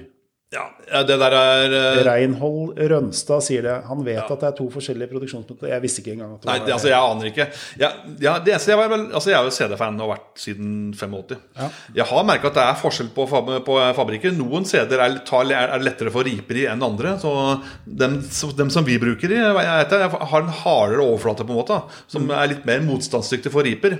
Okay. Men uh, utover altså, holdbarhet sånn, Jeg tror det er akkurat som de sier. Ja, det var en fabrikk i England som, som lagde noen dårlige CD-er helt på slutten av 80-tallet. Men det var en veldig kort periode. Det var eh, ikke mange som og de var, Det var altså solgt mest i England og ikke noe særlig i Norge. og sånn, altså. Jeg tror jeg har én CD fra den fabrikken. Og de, de CD-ene har blitt mer sånn gulete og litt, litt mer sånn skjoldete, kan du godt si. da Samleobjekter, altså. ja, rett og slett. Det har vært dobbelt så mye. De på en måte råtne, Det er en sånn CD-rot, kalles det da. Men Ja. det, det, er, det er ikke noe tema. Det er liksom, du skjønner, det er Nei. next to nothing. Jeg har også kjøpt CD-er siden det starta, og jeg, jeg har vel aldri opplevd at en CD har vært ødelagt som, fordi at den ikke kan spilles. Jeg, jeg mener at det er jo Så lenge du behandler ting fint Spilleren du skal jo ikke, Hvorfor skal, hvorfor skal, ting, hvorfor skal riper være et Nei, tema? det. Du skal sette på en CD, du skal putte på CD-spilleren, er du skal putte den tilbake igjen. Det er derfor CD-en har størrelsen den har. Du skal holde rundt i ytterflata, altså ytterkanten på disken, og så skal du putte fingeren i midten, og så i du putter den, eller setter den ned i, i skuffen. på en måte Og da har du ikke tatt på sjølve disken. Da går det bra. Det skal ikke være et problem hvis man ikke er en gris i utgangspunktet, og det er ikke vi. Nei, og unngår unngår fester med dem, da. Eller Ja, ja. ha folk andre, andre i samlinga. Det, det kan være skummelt. Enda en grunn til å ikke gå på, på fest. Her er Christian Bjørgen har skrevet om penger, rettigheter ikke var et hinder, hva er drømmeboksen eller drømmereleasen til dere to? Ja, det kan vi Det kommer vi tilbake til, holdt jeg på å si. Men eh, vi ja. Ja, du er jo faktisk på god vei. Men Ja. eh, hvis man tar noe som ikke Hva er liksom helt øverst? Helt øverst? Ja, altså ja, Godt spørsmål. Jeg har i hvert fall altså, for sånn, The Kids og uh, Lars Kilevold og drama ja, Jeg tenker at nå har jeg fått realisert eh, Det har liksom vært våte drømmer og ting som jeg ønsker meg så lenge. Altså. Så det, ja. For meg, for, jeg, jeg tenker at eh, vi kan slutte nå. Takk for oss! Ja, du skal ha et par til. Skal ja, skal ha, vi, vi skal ha flere. Hvis er Skorgan, vi har Tramteater, og vi, altså, vi har jo mer OSD. Altså, vi har masse igjen. Men, men liksom de der, de, de store som jeg lengter så lenge etter altså, Får vi eh, Lars Kilevold, eh, er du klar? Først skal vi selvfølgelig i mål med eh, Liv er for kjipt. Og så må vi gi ut Er du klar etterpå, som er Norges beste album. Dere må gjerne protestere, Dere må gjerne protestere, men bevisbyrden ligger på dere. Det er altså, altså Norges beste album. Punktum ferdig. Ok, nå har du sagt det. Da, da står det hugd i stein. Yes, Det er bare å ta fram, eh, gå inn på Spotify og sjekke ut eh, Hei på deg, eller Jubel og blod, eller eh, Så talentløs'. Hva som helst. Ja, ja, det er For en sånn, skive. Jeg personlig Oi, hørte du det? Stemmen min ble sånn der For nå begynner jeg å prate sånn knirkete, det betyr at jeg går i det intellektuelle hjørnet. Jeg tror jeg ville hatt en komplett Arne Norheim-boks. Oi! Jeg ville også gjerne Jeg holdt jo på faktisk eh, i forfjor, i fjor, å lage en Ketil Bjørnstad-boks med 87 CD-er. Ja, det er svære greier. For det er den største produksjonen i norgeshistorien, og da tenker jeg at det er mer enn Grieg, liksom. Han har lagd mer musikk enn Edvard Grieg. Eh, Men da tenkte jeg at der er vi avhengig av støtte, og der gikk vi da inn med Vi skulle ha Snøhetta som skulle designe boksen som et Steinway-flygel. Steinway skulle inn. Vi hadde egentlig alt klart, bortsett fra at det var ingen i Norge av støtteordninger som sa at dette var det minste interessant. Så Eh, både Ketil og jeg har også vært eh, fælt å havne utafor støttebiten. Eh, så den ble ikke noe av, rett og slett, pga. at vi fikk null støtte. Ellers så Altså, Jeg må bare nevne Primavera. Altså, ærlig talt. Ja, For en boks. Jeg mener ho, ass. Og jeg, det, har- jeg har venta og venta, venta, og jeg var, ble, fikk litt angst når de annonserte den samleskiva som skulle, skulle komme i 1993. Og så var den nesten ute, men så begynte de å krangle, da, og så ble det kansellert. Og så kom den da i 1994 da, etter hvert. og sånn Liksom, altså, jeg har venta på å få den på CD så lenge. Og så, så kom da Brakara i, i 2003. Og så sto det en sånn liten etikett da, som klistra på coveret. Primavera! Endelig på CD! Med utropstegn. Bare yo! Men så ble det bare den energien. Ja. Snakker om antiklimaks, liksom. Nå har den gitt ut tre samleplater. Men nå, mine damer og herrer, så kommer den. det er det er, det er altså ja, Jeg kjøpte jo den kassetten det femte når, den femte når jeg var elleve år, og det er liksom, sånn er det bare. Det er liksom Ja, nei, det, det er deg, det. Hvis Ja, jeg skal oppsummere et band med deg, så er det det. Ellers er jeg også veldig hypp på å gi ut en Håkon Banken-boks. Ja. Han er jo fra samme Han er fra Solør. Ja, det er han. Absolutt. Og en legende. Det, det lages en dokumentarfilm nå rundt den, veit vi. Ja, og det Men så er det det med at eh, Er det nok marked, da? Han er jo litt sånn eh, Ja. Vet at det er eh, altså Når vi ut? Det, det er et spørsmål her. Altså, Han er legende. Han er, Platene er veldig veldig bra. De er til og med kritikerrost og anerkjent blant seriøse musikkjournalister. Det må vi nevne, altså. Eh, selv om det til, til, til dels er litt kristent, og det er litt eh, Det er Hva skal vi si for noe? Det er, det er jo litt sånn lokalt, og det er det er jo Hva skal vi kalle det for den musikken, altså? Jeg vet ikke godt å si.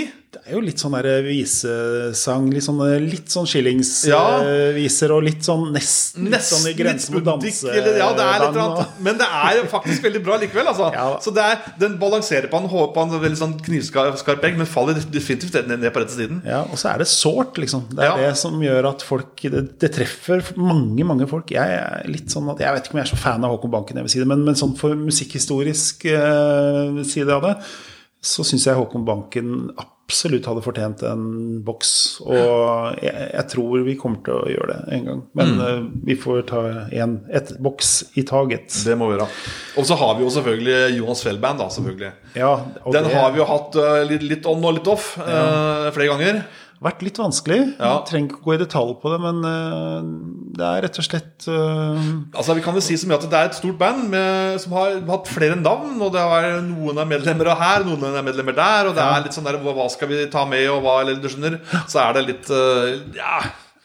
Ja, men Vi kan i hvert fall si at den jobber vi med, og Ja. vi håper jo Og så er det jo det at det er også en sånn rar boks, for der vil du få fra fjollemusikk til nesten country. Hvis Ja. du skal, Uansett hvor du setter den grensa, så vil det bli rart. For Ja. han har jo hatt noen sånne restart og stillskifter, og plutselig på engelsk litt, og litt på norsk, og litt humor, og nå veldig seriøs, og så Og veldig mange løse tråder, og veldig mange reklamesanger som vi har. Vi har det liggende allerede. Vi har det, vi har alt Vi har klart. alt. Så, men det blir nok flere bonusspor enn det blir vanlige eller bonus-CD-er. enn Der, der kan vi rett og slett ikke gi ut de skivene i norske, norske albumklassikerserien. For at da Ja, det, Vi har så mange ting liggende som vi vil ha ut. Ja, det Jeg kan si så mye. Vi har mange duetter med Jonas Fjell og Hilde Heltberg som er utgitte, og som er fantastiske. Det òg. Ok, skal vi ta neste spørsmål fra Ja. Bjørgen. Hvilken plateartist har dere opplevd har gått fra hat til elsk? Altså Det begynte å skru på radioen til å begynne med, men etter hvert spilte den frivillig. Vi får holde oss til norsk, da. Oi. Ja, fra hat til Jeg, elsk. jeg tror faktisk ikke du har så mye Nei, sånt i deg. Jeg tror du, ikke det. for du er så ærlig liksom på det. At det du liker, det liker du. Og du har Ja. aldri vært så jålete. Jeg er jo kommer fra musikkpolitiet, liksom. Nei, altså, jeg, jeg er skamløs. Altså, jeg er Grand Prix-fan. Jeg er Eurovision-fan. Altså, jeg, jeg har ingenting å skjule. jeg, ja, jeg spiller jeg, har ikke, altså, jeg har ikke noe At jeg må låse meg inn på rommet for å ta fram platene. Eller sånn, det er ikke noe problem med. Nei, jeg må tenke meg om det er noe et eller annet som jeg har liksom Jeg må jo si at øh, Nei, jeg hater aldri drama, men jeg syns drama skriver jævlig gode poplåter. Og jeg syns at Olav Stedje, som jeg egentlig så på som en mann med bart, og vi lo av liksom, fordi det var barten som kom i fokus, de platene, første platene hans er dødsbra. De er så bra. Det er så bra. Det er West Coast. Det er Det må jeg si, altså. Jeg, ta tittellåta på første skiva som heter 'Ta meg med'. Når du hører den låta, så faen, dette høres ut som, ut som Glenn Frey. Så sjekker jeg, er det en cover av The Grand Frame? så, Nei, skrevet av, Stein, av Svein Dag Hauge. Ja, ja. det, er, det, er, det låter som Eagles. Det er så bra. Ingenting å skamme seg over, Christer. Nei, nei, jeg skammer meg ikke. Jeg skjønner ikke Det er kanskje dialekten, da. Det er en liten sperre du må over, kanskje. Det, det var Vet du hva, Det er sikkert derfor, for Ja. min svigermor er fra Årdal, og det er jo nesten sogndølsk. Og jeg har vent meg til kanskje det de siste ti åra. Jeg tror det er så enkelt som det at uh, dialekta Jeg skjønte ikke hva som ble sagt. Jau, hau, hau. Jeg skjønner, skjønner det fortsatt, ikke helt, men eh, jeg har i hvert fall begynt å kan leve med det. Mm. Ok, det er flere spørsmål her, men uh, siste spørsmål skal du få. Okay. Til GP-John. Beste Eurovision-låt eh, og beste Eurovision-år, og Oi. hvorfor? Ja, altså Det starter jo med 1984. jeg si. Det nevnte jeg vel forrige gang også. At det var, Da fikk jeg den Homes-kassetten med alle originalene.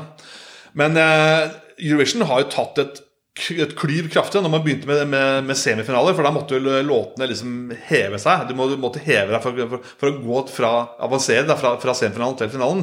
Og, og det, da, da heva kvaliteten betydelig. altså Så det er et, det er et, skif- et skille med sånn 2003, 2004, 2005. Der løftes det kraftig opp. Og jeg tenker også ja, et, etter 2012 og jeg vil si 2019-årgangen er fantastisk. Altså, er, altså Eurovision er bedre enn noensinne, altså, rett og slett. Altså. Så er, du kan godt si at uh, vi er på hvert fall på den siden her av, av, av tusenårsskiftet. Men uh, jeg, jeg, tenker 84 og 85, når Norge vant i 85 altså, Bobby Socks vant ingen lett seier uh, i Göteborg. Altså. Det er en fantastisk overgang. Jeg har LP-en med alle originaler på den LP-en er ganske snasen å ha. altså. Hvem er det de slo i Ja, Det var jo Tyskland uh, som kom på andreplass, med Wint uh, og, og, og, og, låta 'Fyr alla', som du kanskje husker. Sverige hadde bra vibrasjoner med Kikki Daniel og sånn. Oh, ja, den, ja. Mm. Okay, ja. ja. Det er uh, fantastisk årgang 1985. Altså. Uh, 87 kjøpte LP-en var på skoletur i Danmark. husker jeg, Fantastisk bra Og 88 var første året jeg fikk den på CD. Jeg gikk hele Oslo rundt for å få tak i den på CD. Ingen hadde den, men kom inn på, på Gunerius helt til slutt. Da fikk jeg tak i den. Og jeg skulle ha den på CD. Altså, Kassettene var overalt, men jeg skulle ha den på CD. Første, første år han kom på CD. Jeg var ikke snakk om at det skulle ha på noe annet enn CD. Og da, Jeg brukte en helt skoletur en hel dag. og, og, den lysløypa var lang. altså var, Byen var full av plateforretninger. Så, jeg, skal, eh, jeg, skal, prøve å komme meg inn i Grand Prix-verdenen. Jeg, har, jeg, jeg, jeg har ikke noe problem med Grand Prix. Bare, slett, det var så mange dårlige år at jeg ikke fikk den der givende. For jeg var ganske ja. ivrig på 80-tallet. Eh, kanskje fra sånn 78 til og med. Oh, ja. mm. eh, til kanskje rett før Bobby Socks vant. For jeg husker at det betydde ikke så mye for meg. Ok, og såpass, ja. ja. Nei, For da, er jo, da var du 16 og begynte å bli voksen og litt kul. Og sånn. ja. Men altså, altså, det er ett sted hvor du får høre musikk Hvor du synger på et annet språk enn engelsk ofte. Med litt andre lyder. Og du skjønner, Sett på NRK NRK P3. Altså, alt du har sånn rimelig standard uh, greie. Altså, det er liksom, alt er skåret over samme resten. Alle låter helt likt. Men i Eurovision så er det faktisk uh, Der hører hvor, hvor, stor forskjell det er på Europa musikalsk sett. Og det er uh, det er, det er spennende og fascinerende. Mm. Jeg hadde en sånn låt Og da snakker jeg bare musikken. I tillegg har du selvfølgelig showet, landskampen, poenget det, det, er så mange måter å se det på. Ja. Noen er liksom øh, Tenker på liksom forholdet liksom At vi er sammen om noe, og du har liksom den, liksom, den øh, med, Den rosa delen av det, alltid på å si, med ja. bling og, og, sånn. Men altså, jeg, jeg, for meg er det musikken som er rett og slett det, ja, Jeg spiller scenene stadig vekk. Ja, jeg må innrømme at jeg jeg, sliter litt med alt det rundt. Og så er jeg litt sånn irritert fordi at det tar så mye oppmerksomhet. Du kan tenke deg Kultur-Norge nå. Det ja. fins altså en, en, journalist i Jeg skal ikke si hvem, fordi at han uh, blir bare sur.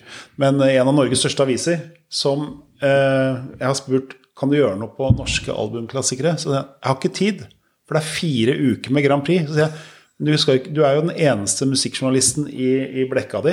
Du kan ikke si nei til alt i fire uker.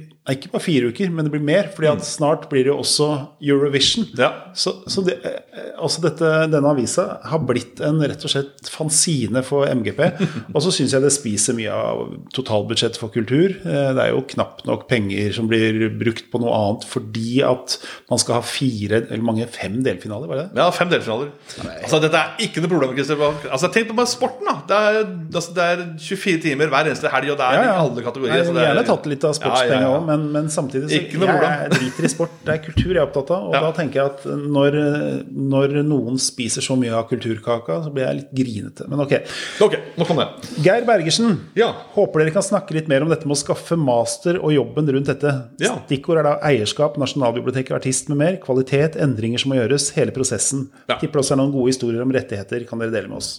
Vi kan uh, si så mye at det er veldig enklere nå. Altså, uh, alle selskapene de de sendte alle masterne sine ifra Altså Jeg trodde at alle selskapene hadde sitt lille hvelv i kjelleren ikke sant? Med, med sine taper og to-tre eksemplarer hver plate, som et eget lite arkiv. Men sånn er det ikke. Altså Plateselskapene flytter, og sjefer kommer og går, ansatte kommer og går, så det, dette er bare flyter. ikke sant Så på 90-tallet så starta man da Nasjonalbiblioteket i Mo i Rana. Og da ble alle masterne kjørt dit opp og lagra i eh, de hvelva der, da, som de gjerne viser fram. Og det er veldig bra. Eh, det er jo ikke helt komplett, selvfølgelig, men uh, i hvert fall så er det aller meste som er lagra, sendt opp dit. Så da får vi uh, de, de, har jo maskiner som tar fram de masterbåndene, setter i maskiner og digitaliserer Foss. da på en måte Spiller over ifra teipene og sender over på filer til Klausen, han Gjert Klausen, som masterer det og, og, og, og gjør klar for oss. Så vi, vi får jo dette her på, på tape fra dem. Jeg Vet ikke hvor lang tid de bruker på det her, men uh, de ligger vel sånn uh, noen null sju, er de ikke det? Ikke? Ja. Jeg var litt stressa en stund, fordi ja. jeg, syns det gikk litt sakte. Ja.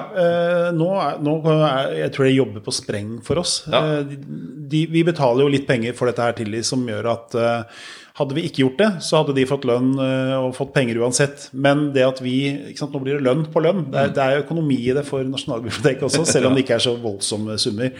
Men eh, vi merker at de prioriterer oss veldig nå. Og jeg har også sagt at jeg vil at vi skal ned på fire uker fra en plate er i mål, til den skal være i hånda vår. Det vil da si at vi har ca. to uker, i hvert fall i de periodene hvor det ikke er sånn kjempepush på CD-trykkeriet i Frankrike. For dette trykkes jo i eh, Sony sine CD-fabrikker i Frankrike. Mm. Men eh, det som er litt gøy, da, det er jo at i gamle dager så var det veldig mange som satt og, og sitte på sin egen master og ruge på sin egen master. Det var liksom Ingen skal få lov å få tilgang til den masteren. Men det tryggeste man kan gjøre, er å sende det til Nasjonalbiblioteket. Så det var jo svære ruller. Man veide jo enormt mange kilo som de gikk og drassa rundt med på fly og hjem og skulle mikse. Jeg har hørt historier om det også. Men eh, da Nasjonalbiblioteket sa at de betaler portoen for å frakte båndet, altså spolebåndet, opp til hvelvet i Mo i Rana, da så folk at vi slipper å bruke masse plass, og det mm. ligger trygt der oppe. Godt temperert. Det er liksom ikke kaldt, ikke varmt. Er, alt er helt perfekt lagd for å bevare sånne ting. Og de er jo selvfølgelig masteren sjøl. Ja, ja. De er i rettighetene. Det er bare at må, den fysiske, den fysiske, greia, den er der oppe, på en måte. Ja, så det er ingen Jeg kan ikke bare si hei, jeg vil ha den, den, masteren. For da må jo jeg få beskjed, eller de må jo få beskjed at det er ok fra mm. mastereier at jeg faktisk får den. Men det er fortsatt, det merker vi på artister nå som sier at nei, vi har ikke lyst til å sende fra oss masteren. Så tenker jeg det er jo det dere må. fordi at da slipper dere til og med å digitalisere det sjøl. Hvis dere sender opp dit, så, mm. så, vil det jo med tider og stunder bli digitalisert og gjort klart. Men det er, det er, veldig mange som lever på en måte i Nå jobber vi mye med 70- og 80-tallsartister i denne serien. Og veldig mange som lever fortsatt på 70- og 80-tallet og syns dette med digitalisering er skummelt. Og sende fra seg master. Nei, den ligger i kjelleren min. Så kjelleren din! Er det kaldt? For en sånn master de tåler ikke mye. Nei. Så det er, eh, nei, det er liksom det første vi må gjøre, er å sørge for at vi får tak i masteren. Og der er det jo da Mastereier er ofte et plateselskap. Og hvis det er band som har gitt ut ting sjøl eller kjøpt masteren tilbake, da må man jo i utgangspunktet spørre alle i bandet eh, om lov. Og det er jo det som er bøygen da, med mye av punken og, og mye av disse litt alternative banda som ofte har mye drama i musikken sin, og gjerne på privaten også. Fordi mm. utrolig mange band som ikke snakker med hverandre, medlemmer ja. som ikke snakker med hverandre lenger. Og det kan være arvinger, og det kan være mye rart som kan lage krøll. Altså, ja, det er det. Mm. Så det er i hvert fall den delen som går på eh, eierskap. Men så har vi det at det er jo ikke alltid at masteren eksisterer heller. Og mm. da må vi hente fram gamle LP-er og rense det digitalt først. Så, så blir jo, Der fins jo programmer for dette her. Mm. Og når du har kjørt gjennom programmene, så er det også noen som går inn og visualiserer på en måte lyden, og så fjerner man de prikkene som da Altså knitring da, mm. gir seg utslag i, i, i form av prikker på PC-skjermen, og de fjernes da manuelt jeg leste sånt, men du, du, du, kan fjerne 30 prikker nesten i sekunder for å få en pen lyd eh, av dette her. da Så, og, og, det kan du si. Vi lagde Trond Granlund-boksen i, ja, i 2017. Mm. Som besto av ti CD-er, eller ti album. da Og av de ti albumene så var det sju som eh, vi hadde master på, og så var det tre som vi ikke hadde master på. Uh, det vil si, Vi hadde master på, på, albumet mm, Starstruck, men det var masteren skada. Så den hørtes ut som en, en kassett da, en, som, som, låt falskt, rett og slett. For masteren var skada. Og da måtte jeg fram eh, eller midt på natta så reiste jeg inn til Oslo med min LP og fikk rense den, og den låter så veldig bra. altså så hvis du tar fram uh, Graniboksen, så er det tre plater fra de originalplatene her som ikke er fra, fra masteret. Men det er ikke lett å finne ut hvilke av de tre som, som, er, eller som er fra LP. Da, kan du godt si. Så, det, så, bra, så, bra, låter det. Og så deilig har det blitt nå at uh, sånn, å maste fra vinyl uh, Det var jo ganske utenkelig for en del år siden. Du hører mye av det som ligger ute på Spotify også, er jo bare ja. tatt fra vinyl med knitring og alt. Det låt helt grusomt. Ja. Men uh, vi har jo da møtt Lars Årdal, som er han som masterer fra vinyl for oss. Vi har da Gjert, som masterer fra um, spolebånd og teip, og digitalt fra Nasjonalbiblioteket. Og så har vi Lars som da Og han er jo en fyr Jeg vet ikke jeg har egentlig ikke lov å snakke så mye om det, men vi kan si at han har funnet opp en måte som eh, Eller en prosess, kan man En si. prosess som gjør at eh, det er jo sånn at Hvis du fjerner noe, så fjerner du også noe annet. Det går ikke an å bare ta vekk eh, det ene. Det vil liksom gå litt utover andre ting, men han har vel gjort et eller annet som gjør at med, ved hjelp av kunstig intelligens at han kan rekonstruere ting i spesielt bassområdene, sånn som jeg har forstått det. Det kan hende at han skal inviteres hit en dag, så han kan prate om det sjøl. Og det skal jo også Gjert eh, Vi har snakket om å ha en egen podkast med, med lyd og Gjert. Men eh, jeg har også hørt en del av de tingene han har lagd. Uh, Muselus, som han fikk et ganske råttent LP-eksemplar av. fordi det viser seg at Muselus, uh, den første plata, 'Elgen er løs', det fins ikke noe master. Den er enten blitt brent, eller så er den blitt borte, eller oversvømmelse. oversvømmelse. Det er Mai. Og det, det, det var en fyr som, en, en, en fyr som kasta alle masterne til Mai. Vi kan jo si det sånn, og det er, Ja, det er det er trist. Det er bare trist. Men problemet også med den er at den er trykt opp på et litt, uh, dårlig vinyl. Rett og slett en sånn 140 grams, litt sånn slarkete, sikkert i Tsjekkia eller et eller annet sånt. Jeg vet ikke hvor de har gjort det. eh, som gjør at den har aldri eksistert med spesielt god lyd. Og vi ga da det beste eksemplaret vi fikk låne av Sveinung Grindal i eh, eh, The Orchard, som er liksom strømmekongen i Norge. Som har komplett mai i ganske perfekt stand hjemme. Vi fikk i hvert fall tak i et veldig godt eksemplar. Ga det til Lars, og så hørte vi det etterpå. Jeg, mener, jeg, har ikke hørt så god lyd omtrent på en plate noen gang. Så jeg, hvis noen hører forskjell, og det er noen Jeg også merka meg noen sånne litt sånn sure lydfolk at nei, dette er useriøst. Skal dere master fra vinyl? Og så tenker jeg alternativet, hvis det ikke finnes en master, er at vi bare dropper musikken. Så Så kaster vi det og aldri får Det er ikke noe alternativ, selvfølgelig. Nei. Nei, så, så for, for meg blir dette her Og det at vi har funnet da Lars, som er så god på rekonstruksjon av vinylplater, og Gjert, som er en lydwizard, har vært i 30-40 år, så er det liksom det beste samarbeidspartneren man kan ha i en sånn en sånn, et sånt prosjekt som vi driver med nå. Men dette her kan du jo føre sjøl. Nå vil jo folk få tilsendt platen i posten. Vi regner med at vi får vel noen noe innspill. Vi er spent på å høre hva dere syns da om, eh, Ja, ja. om platen her. Og cover, lyd og utførelse og generelt sett. Om dere er fornøyde. Og ja, hva syns. Og veldig interessant å høre, ikke bare positivt, nå har vi fått bare skryt i dag, Ja. eh, og en som ikke likte coveret fordi at han ville ha jewel case, jewel case, men sånn vil det være. Jeg er ja. mindre glad i jewel case, og du er mer. Ja, det er en smakssak. Og jeg tror det er en sånn 50-50 der ute. Så vi, det er liksom som å være politiker. Da, at, eh, Hæ, er du borgerlig eller sosialist? Fy faen, du er så? Du vil få halvparten mot deg uansett, men tenk mest lyd. Ja. Vi har jo gjort dette her som en lavterskelsak. Vi kunne selvfølgelig feita det opp og gjort det med booklet og liner notes og skrevet masse inni og liksom gjort, tatt bilder. Det er mange som sender meg bilder fra forskjellige sessioner. Så tenker jeg det hadde jo vært veldig fint, men da blir det en helt annen type utgivelse som i hvert fall bør koste 250 kroner, kanskje. Ja. sånt nå. Eh, Du husker de der deluxe-utgavene som kom? Det alltid Stemmer. koster nærmere 300 kroner. Da tenkte jeg at eh, vet du hva, nå gjør vi. Musikken er viktigst. Originale cover er viktig. Og vi har til og med egne liner notes med Arvid. Det har vi. Og jeg syns dette her er et kjempebra produkt. Jeg syns det er designmessig, det låter bra, det ser bra ut. Jeg står 100% innenfor Ja, det. det er fantastisk bra, rett og slett. Så det, og, med- og vi har venta i 30 år. Ja, ikke, ikke glem det. 30 år har venta på å få dette på stedet. Nå har det gått altså over en time og ti minutter. Har gjort det. Ja, og vi, vi har bestemt oss for at vi skal aldri kutte i podkasten, sånn som feige folk gjør. At de liksom skreddersyr og tar ut eh, det beste, fordi at eh, alt er like bra. Men Vi er på høyden hele tiden. Ja, vi er det. Vi er en ren eh, Vet du hva, Vi går gjennom veldig kjapt fra Ja. nummer 16 til 25. Det er det vi skal gjøre nå før Ja. vi gir oss. Um, Du kan jo begynne med 16, Young Lords. Young Lords, ja. ja. Det fin skive. Den kjøpte broderen på kassett eh, i 1980. Da den var- ny, så den, den har jeg hørt på for den var ny. Og da først så hata jeg den. da var jeg ti år og kjøpte ABBA Super Trooper i stedet. Vi kjøpte hver vår kassett. Men uh, det ble jo ra- raskt favoritt. Altså en låt som uh, I Can't Stand You, Big, uh, Big Burden og Pointed Fingers. Det er jo fantastiske låter. Og det er Henning Kvitnes debutalbum nå, rett og slett. Det, som er, eh, det som er litt interessant, som jeg leste om i Line notesen Jeg kan røpe Line notesen litt. At de oppløste bandet faktisk eh, for at de var så misfornøyd med Arne Bendiksen som ga ut skiva. Så de valgte å oppløse bandet, og så starta de bandet på nytt igjen da, som, eh, som uh, Saturday Cowboys.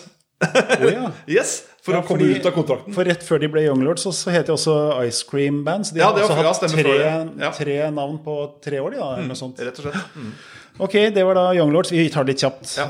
Um, Fin skive, i hvert fall. Det er åpenbart. NACD 017, Kåre Viru, Vår daglige blues. Fin skive, det òg. Det må jeg si. Kåre Viru, den skiva det sa jeg altså forrige gang, at det er vel kanskje den som har overrasket meg mest positivt. Altså, jeg hadde null forventninger til den, men jeg satt meg og hørte på masteringa. For en fantastisk lyd, og for en fantastisk skive. Ordentlig en, eh, noe å sette seg og kose seg med. altså. Vi har jo putta den i kategorien blues. Ja. Kåre Viru er jo i utgangspunktet en kanskje bluesgitarist, men han har gjort mye annet hos dette. er jo et, Nesten kanskje litt like mer visesang. vise, ja. Eh, Kåre er jo eh, en sånn super anmelderfavoritt. Eh, Både Asbjørn Bakke i Aftenposten, Geir Akvåg i Dagsavisen har jo eh, lagt sin elsk på, spesielt på den plata der. Mm. Så det var jo litt gøy at uh, vi fikk den på en måte i Mens den sto litt fast på Ja. crowdfundinga. Vi fikk hjelp til å tenke det. Så gikk de ut rett og slett og sa dette her er en av tidenes beste, og den aller beste norske plata som ikke er på strømmetjenester. Og da begynte det å eksplodere, og så kom jo ordføreren og, og hjalp til også uh, i Notodden. Ok, NACD 018, Olav Stedje, ta meg med. Ja, Vi elsker den. vi elsker den, rett og slett. Det er, eh, det er jo nesten like mye en Lava-CD som Olav Stedje. Det er jo skrevet, Mange av låtene er skrevet av eh, Svein Dag Hauge fra Lava. Mars Miller er sterkt til stede med gitaren, og det er en eh, fantastisk fin skive. Vi sa det i stad også. Altså, det, det er Eagles på norsk, rett og slett. Altså. Og Nydelig stemme, fantastisk produsert. Og vi så jo det bare når jeg la ut uh, ifra den der boka, norske klassikere, så eksploderte jeg, for den, den boka beskriver den plata så veldig bra. liksom det er full av øyeblikk som bare Wow, hørte du det? Liksom Hvor kjeven bare liksom detter liksom i, i, i bakken, nesten. Altså, det er fullt av feinschmeckerøyeblikk på hele skiva. Det er uh, Det er en ja, ekstremt elegant produksjon hele veien. Det det, altså. Og han synger For meg er det Du sier Eagles, for meg er det mer James Taylor, men det er okay. kanskje et sted mellom de to. Ja, på liksom, Det er liksom Glenn Frey eh, i Eagles, tenker jeg. Altså. Ja, ja, men ok, hva som helst. helt enig i at det er det. Ja. Og så skal jeg ta Creation Nei, jeg skal ikke ta Creation, for det skal du gjøre. Det er NACD 019, Creation, the real thing. Ja. Ja det er, eh, du kan le, Christer, men altså, jeg er blodfan av Creation og, og ny drama og ny drama. Ja, det så dem til og med live eh, på sommeren eh, på Finnskogen og fikk albumet signert. Så det altså jeg, Tenk deg det. Gutta var da 17 og 19, reiste til England og fikk, eh, fikk den skiva og fikk hjelp til å produsere. Og den, altså, den lyden altså, Det er innspilt i 1984. Den låter som en mellomting mellom uh, Wams 'Make It Big' og uh, Alphavilles uh, 'Forever Young'. Altså. Både kvalitetsmessig og ikke minst lydmessig. Og den kom ut samtidig også. Den kom ut i oktober 1984. Og mye store, fine internasjonale navn på plata. Ja, det er det også. Og produsert og ja, Det er jo Guy Fletcher fra Dice Straits. Jeg trodde han som produserte, men det var faktisk nevøen. Så han, han, han bare spiller på synt, da, eller. For det er to musikere som har samme navnet der. Og så er det folk Ja, det er folk som har spilt med eh, Var det både Cliff Richard og det var Melton John og folk, og det er liksom Ja. Det er ganske gjennomført, og, Ja. og det er ikke noe tvil om at uh, både Per Christian og Geir Olav i Creation Jeg kaller Ja. dem ikke Muff og Gacky, for jeg, Nei, men det- vet du hva, de kaller hverandre det fortsatt, tror jeg. Gjør du det? Ja vel? Jeg var jo i studio med eh, Ole Idole, Ja. Ole Evenrud. Og hvem jobba i studio med Ole? Det var Thomas Sigveland. Oi, ja. Så de var der og tenkte faen, nå kunne jeg tatt med dramaplata også og signert den. Men han, han konsekvent kalte Muffe og Gacky, og jeg, han lo ikke engang. Så jeg ble litt sånn Hæ? Er det lov? For jeg trodde det var liksom at ikke de syntes det var så gøy. Men det var tydelig Og vet du hva Ole blir kalt for? for da? Ja, Ole Dole, vel? Ja. Ja, Han blir kalt for Doffen. Jøss, det visste jeg ikke. Nei, Han sa at Marius Müller hadde kalt den for Doffen, og etter det så har han bare blitt Doffen. Ja. Det må jeg bare si. Altså, og den dramaskiva den, altså, Unnskyld, uh, Creation-skiva den fikk jo kjempeskrift av uh, NRK Filmpolitiets uh, anmelder. Han Åh, hva heter han ennå? Berge? Nei. Nei, altså han Brigge Vestmo. Oh, ja. Brigge Vestmo gikk jo og sa at for ei skive. Og han hylla han på sidene våre. Jeg, jeg, jeg syns det var så kult da at liksom, der kom det noen anerkjente kritikere fram og, og, hylla den skiva. De har blitt uglasett av musikkpolitiet. De har bare kasta dritt av dem i alle år. Det er så forbanna urettferdig. Jeg syns det er så fortvilende. Så jeg håper nå at folk spiller skiva og hører hvor bra det er. Altså, og, og, faktisk gir den eh, ja, tar, og, og, og tør spille den. Altså. Er, eh, jeg håper den skiva blir anmeldt på nytt, for den er jo bare så grisebra. Den tåler det, altså. Den står som et fjell. altså Det er en av mine favoritting, det er å se deg snakke om drama creation. Det skal jeg ha i utdrikningslaget mitt. Så skal du stå og ha foredrag om creation. Men Det kommer mer Ja, av Creation. det gjør det. Ja. NACD 020, Trond Ingebretsen og Bjølsen Valsemølle med Vaterlands bru. Ja. De eh, er jo et eh, skikkelig Oslo-band. Ja. Ja. Uh, hvis du er Vålerenga-fan og ikke har et forhold til Bjølsen Valsemølle eller Trond Ingebretsen, så er du en kald fisk, liksom. For da har du ikke fått med deg hva som skjer. For det er jo de som spilles på tribunene, og det er liksom blitt et Vålerenga-lag. eh, Mm. Nesten litt fotballmusikk, vet du, med mange av låtene. vet du Ja. Med Vålerenga kjerke og sånn.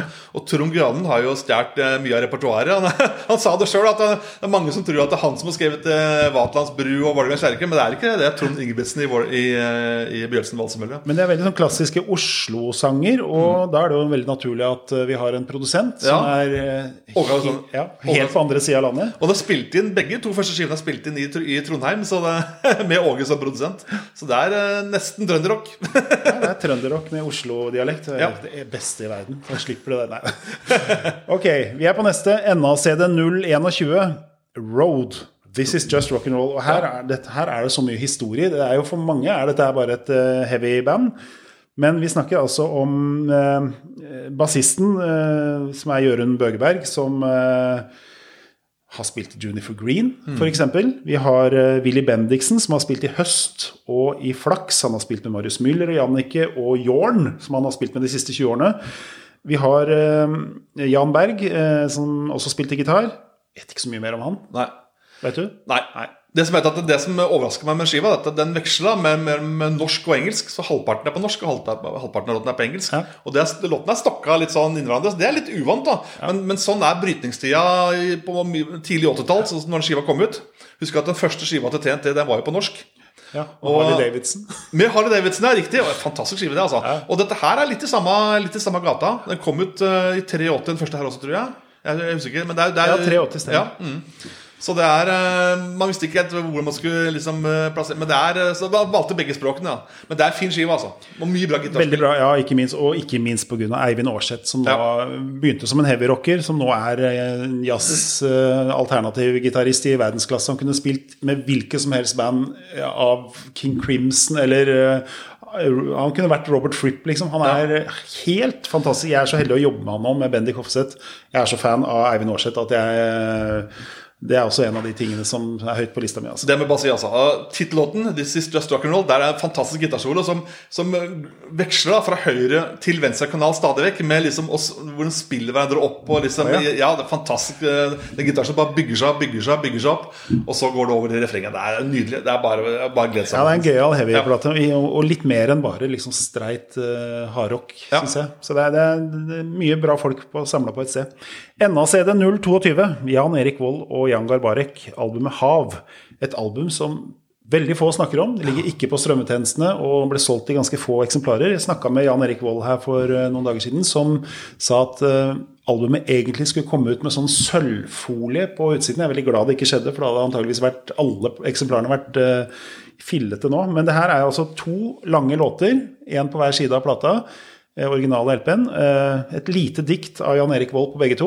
Nesten bare et halvt minutt, og resten er egentlig frijazz, eh, nesten med Arild Andersen, Jon Christensen, Terje Rypdal og Bobo Stensom som spiller eh, instrumenter. Det er liksom det aller beste av norske jazzmusikere i den perioden hvor alt det beste av norsk jazz noen gang har blitt spilt inn, og i tillegg to ganske korte dikt fra mm. det alle vet, eh, fra Mor Godhjertas glade versjon Ja, eh, som er ene diktsamlinga til Jan Erik Vold, og noe som heter Dikt, som er henta fra Kykkelipi fra 1969.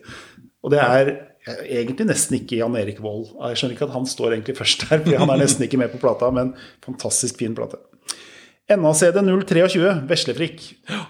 Ja, debutalbumet for Vesle- Veslefrikk. Eh, veldig etterspurt etter Det må jeg si, da. Det var veldig mange som spurte etter Veslefrikk. Det tok litt tid før den kom i land, men vi klarte det til slutt. da Og så har innholdet den kanskje den største hiten deres også. Vi mener, eller, vi mener i dag, og ikke i morgen. Ja. Ja, eh, Anne Grete Preus må vi selvfølgelig nevne. Og så har du Per Vestaby. Er det vel også der? Ja. Hege Rimestad og Frank B. Olsen, som er veldig ivrig i forumet vårt også, som eh, spiller der. Eh, ja, Frank, vi skal ha mer veslefrikk på sikt. Det Ja. er så mye plater, så det kommer.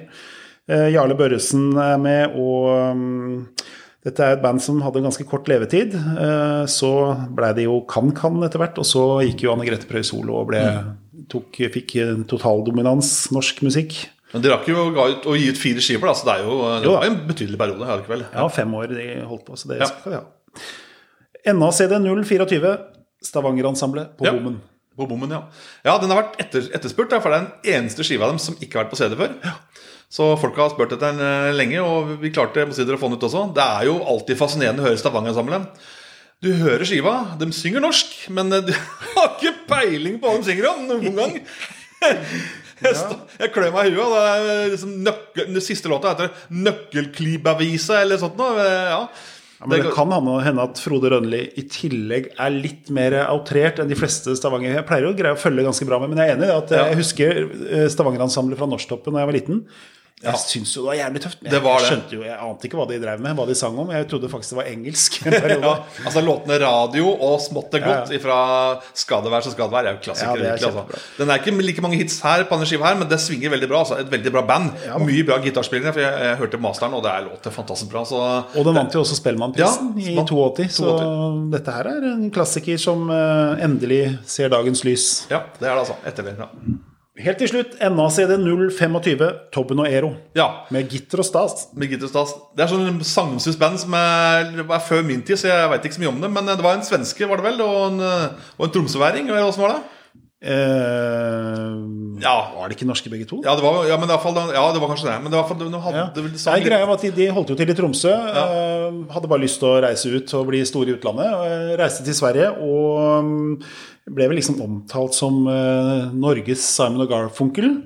Og helt sånn tilfeldigheter som gjorde at de endte opp på samme scene som Elton John. eh, Endte opp på samme scene som Cornelis Vreeswijk. Alle hadde lyst til å jobbe med de, og, og ble egentlig løfta fram veldig som to eh, veldig sånne partysterke mennesker som spilte noe helt annet enn det på en måte personligheten deres var.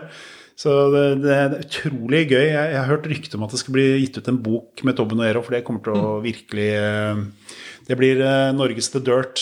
Eh, Ja, såpass? Oi, du verden, du verden. Men De er ganske kule folk. Jeg kjenner ikke Han ene er død, og mm, Jan Ero lever jo fortsatt i beste velgående og er veldig positiv også. og Syns han gleda seg veldig til denne plata og høre det med ordentlig lyd. og Jeg tror han hadde skrapa LP et eller annet sted hjemme. Ok, Nei, Jeg har ikke hørt den skiva, så jeg, jeg er spent på den.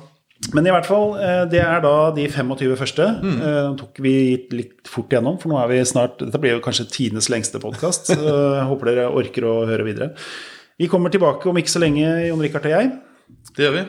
Vi øh, øh, Jeg skal bare spille litt CD, CD først. Ja, nå skal Jon Rikard hjem og høre på. Skal vi? Jeg håper at de er ja. innafor din Det er litt nervøst. jeg kan si det, det er Når du sitter og godkjenner masterne, og så velger du tommelen opp eller tommelen ned og Det, er, som det, det låter veldig bra som regel, men det er alltid litt nervøst. Da, for du vet at det er siste instans før det, det sendes til fabrikken. Det, Du vet at det er din skyld hvis dette ikke funker, men du får også all æra hvis det går bra. ja, Så vi håper det. at det funker. Nei, jeg tror Det har gått bra før, så jeg føler meg trygg på det. Altså. Men det er alltid litt spennende likevel. Når du, liksom, når du setter den spilleren og låter dette her, var det så bra? Jeg håper det. Jeg kjente når jeg åpna, Det er ikke så ofte jeg har gitt ut så mye plater at jeg har blitt litt sånn blasert på dette å åpne. ikke? Du tenker på når du er band, skal gi ut din første plate, og når du åpner kassa med ting som kommer inn Du blir jo helt sånn der Men jeg ble det faktisk når jeg åpna første Tom Mathisen-eska når jeg var oppe på platekompaniet og henta det her. Fordi vi har jo lageret vårt på platekompaniet.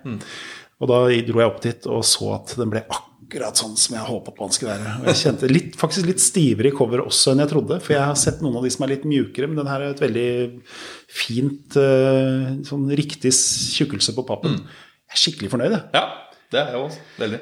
Veldig, veldig. Nei, men vet du hva? Tusen takk for at dere hørte på. Det er sikkert ikke noen igjen som har hørt på sist nå, men dere sju som er igjen, ja. vi kommer sterkt tilbake. Eh, Neste podkast er faktisk med Arvid Skanke Knutsen, som skal snakke om neste kultklassikeren han skal dra fram. No pressure. Jeg skal følge opp uh, Boastein. Ja, nei, lykke til med det. Ja, lykke til. Boastein har jo virkelig tatt av. Men uh, vi får se hva han har eh, i ermet. Så ses vi til neste gang. Ha det, ha det. Ha det.